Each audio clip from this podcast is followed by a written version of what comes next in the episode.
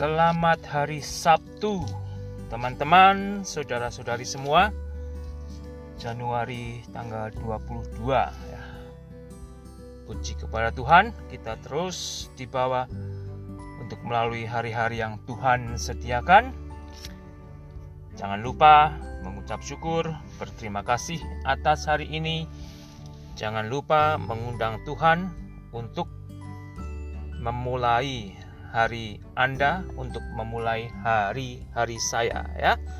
Jangan lupa saudara itu adalah hal-hal dasar, hal-hal basic ya kita mengucap syukur, kita mengundang Tuhan untuk bekerja, berkuasa, menolong saya, menolong Anda, bahkan mengerjakan apa yang kita kerjakan sehingga selain saya dan Anda boleh mendapat kekuatan, mendapat pertolongan, mendapat berkat Tuhan, kita juga boleh menikmati pertumbuhan kita bagaimana kita berjalan bersama Tuhan dan juru selamat kita Yesus Kristus yang begitu mencintai manusia, terutama saya dan Anda yang sudah menyambut cinta kasihnya dengan percaya kepada Yesus.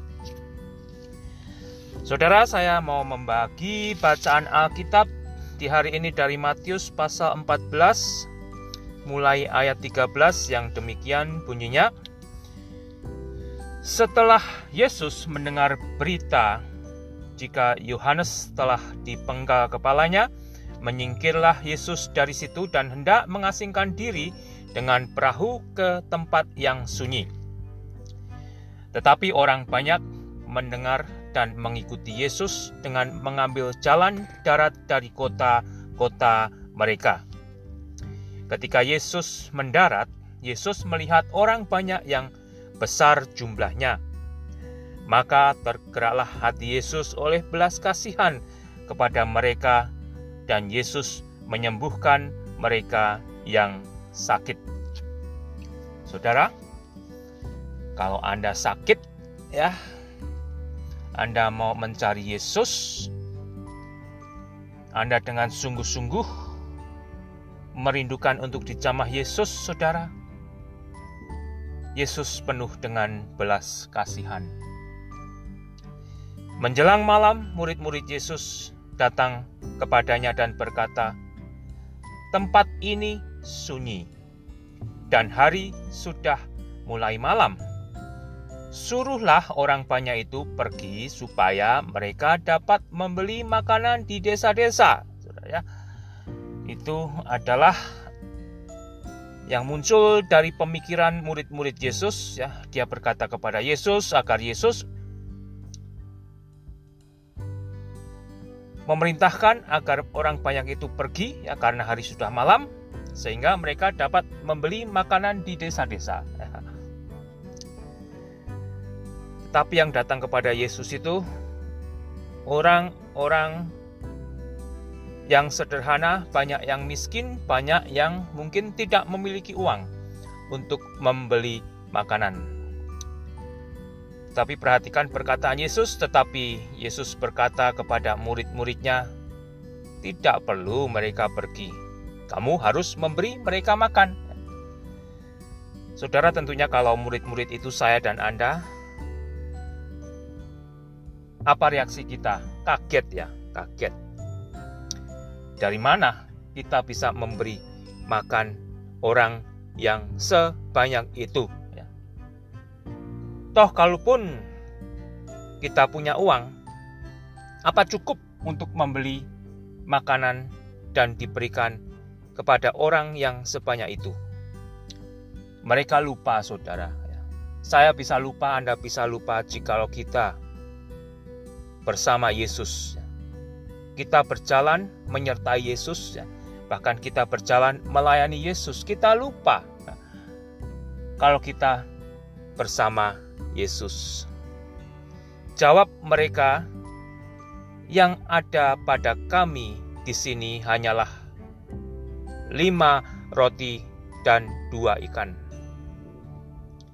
Yesus berkata, "Bawalah kemari kepadaku. Ya.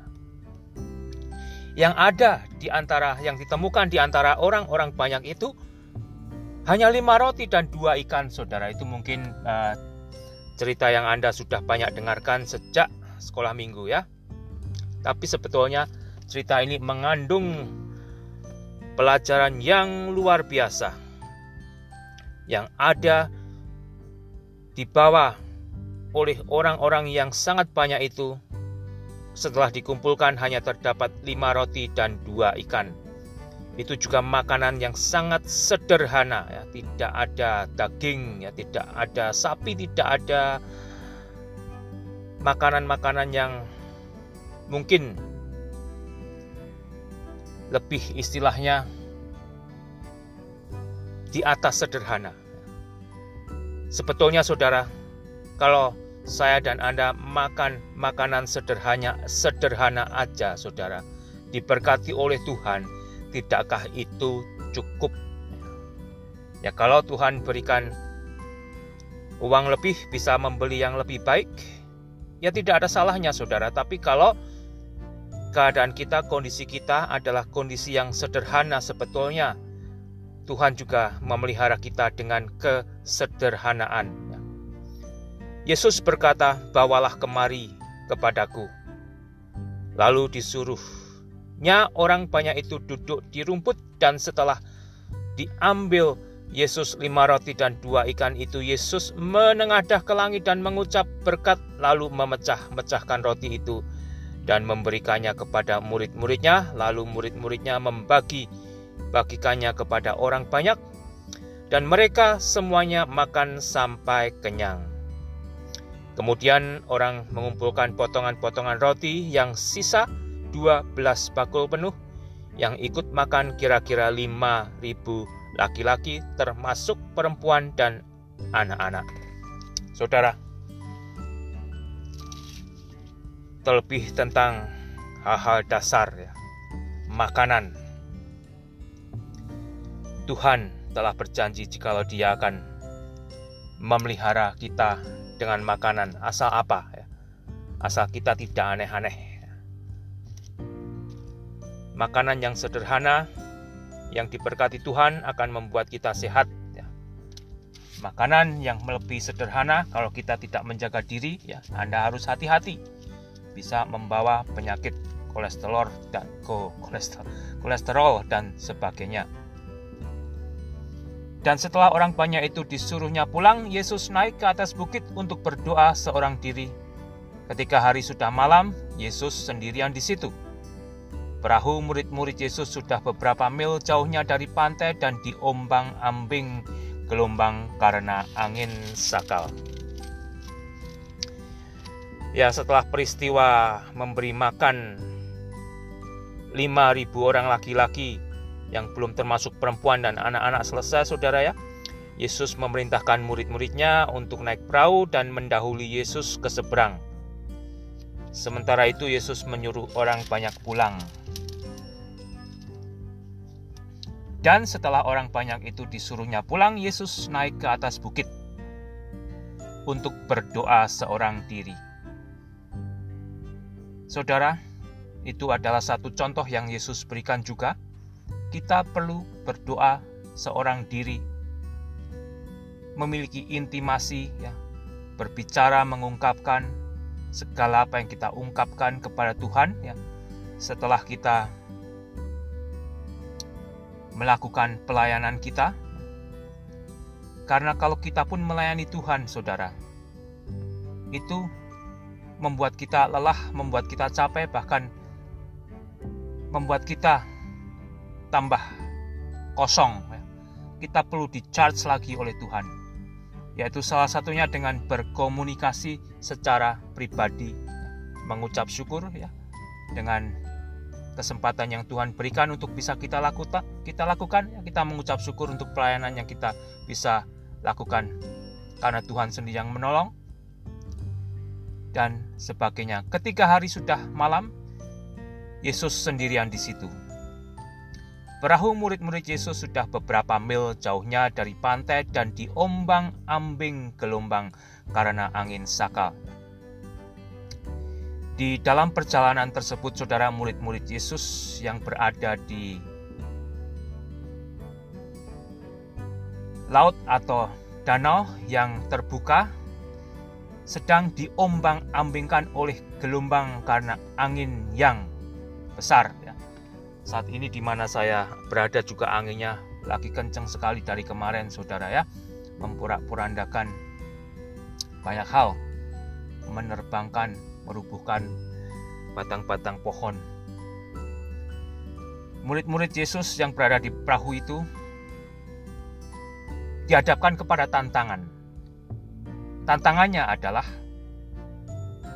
gelombang yang besar dan angin yang besar yang membuat perahu itu seolah-olah akan tenggelam. Sedangkan dia dalam perjalanan kembali itu pun menurut perintah Yesus. Kira-kira jam 3 malam datanglah Yesus kepada Ketika kira-kira jam 3 malam datanglah Yesus kepada mereka berjalan di atas air.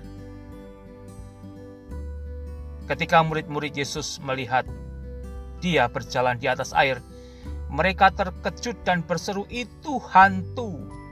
Lalu berteriak-teriak karena takut. Tetapi segera Yesus berkata kepada mereka, "Tenanglah, Aku ini, jangan takut." Saudara, di dalam gelombang kehidupan, di dalam tantangan kehidupan yang bagaikan kita diterpa ombak yang besar, angin yang besar bersamaan, saudara, Tuhan melihat, Tuhan tahu, dan Tuhan tidak akan membiarkan saya dan Anda tenggelam. Tetapi permasalahannya terkadang kita lupa. Kita barusan bersama-sama dengan Yesus. Kita diperintahkan pergi karena Yesus. Ketakutan itu membuat Yesus juga terkadang kita lupakan. Hati-hati saudara, itu bisa terjadi dengan saya, itu bisa terjadi dengan Anda. Tetapi segera Yesus berkata kepada mereka, "Tenanglah, aku ini, jangan takut." Lalu Petrus berseru dan menjawab dia, "Tuhan, apabila engkau itu, suruhlah aku datang kepadamu berjalan di atas air." Ya. Petrus memang murid Yesus yang luar biasa dia berseru dan meminta tanda yang impossible ya tandanya yang tanda yang tidak mungkin terjadi di pikiran di benak manusia mungkin itu juga tidak muncul di antara murid-murid Yesus yang lain ya tetapi permintaan Petrus kepada Yesus kalau itu engkau suruhlah aku datang kepadamu berjalan di atas air Petrus meminta tanda ajaib. Apa perkataan Yesus, saudara, kepada Petrus? Kata Yesus, datanglah, ya, datanglah. Yesus meladeni, Yesus ya, menanggapi permintaan Petrus. Maka Petrus turun dari perahu dan berjalan di atas air mendapatkan Yesus. Itu luar biasa, saudara ya. Itu luar biasa. Tetapi ketika dirasa tiupan angin, takutlah Petrus dan mulai tenggelam lalu berteriak, "Tuhan, tolonglah aku." Segera Yesus mengulurkan tangannya, memegang Petrus dan berkata, "Hai orang yang kurang percaya, mengapa engkau bimbang?" Lalu mereka naik ke perahu dan angin pun redalah dan orang-orang yang ada di perahu menyembah dia katanya, "Sesungguhnya engkau anak Allah." Saudara, luar biasa. Kita juga terkadang Tuhan berikan tanda jikalau itu engkau. Setelah Tuhan berikan saudara, justru kita juga tidak memiliki keyakinan 100% penuh jikalau tanda sambutan itu datang dari Tuhan. Buktinya, seperti yang Petrus hadapi digoyang sedikit angin aja, saudara, fokusnya sudah buyar. Kembali sebetulnya apa yang Yesus sudah tunjukkan di dalam ketika Yesus berada di antara manusia itu sudah cukup membuktikan jikalau dia adalah Allah yang turun dari sorga ke dunia datang di antara manusia untuk manusia sendiri, ya, bukan untuk dirinya, saudara. Untuk menolong kita, terlebih kita yang binasa karena dosa kita, Yesus datang agar kita boleh percaya dan menerima anugerah keselamatan tersebut. Dan kita yang sudah percaya, saudara, supaya kita juga diajar oleh Yesus. Dan di dalam kehidupan saya dan Anda sebagai orang Kristen dari hari ke hari diajar oleh Yesus melalui melalui firman Yesus. Firman Yesus menjadi praktek kehidupan kita, saudara. Mendatangkan aplikasi kehidupan. Di situlah kita akan menjadi tambah dewasa. Kalau Anda ke gereja, cari, cari, carilah gereja, saudara ya, yang selain memberitakan berita kerajaan sorga, juga mengajarkan pengajaran Allah, mengajarkan pengajaran Yesus. Karena di situlah, saudara, Tuhan bekerja. Melalui firman Allah itu, kita akan dibentuk, kita akan diajar, kita akan diarahkan bagaimana kita hidup. Ya. Termasuk segala sesuatu yang kita perlu bereskan kelemahan, kesalahan, dosa, dan sebagainya.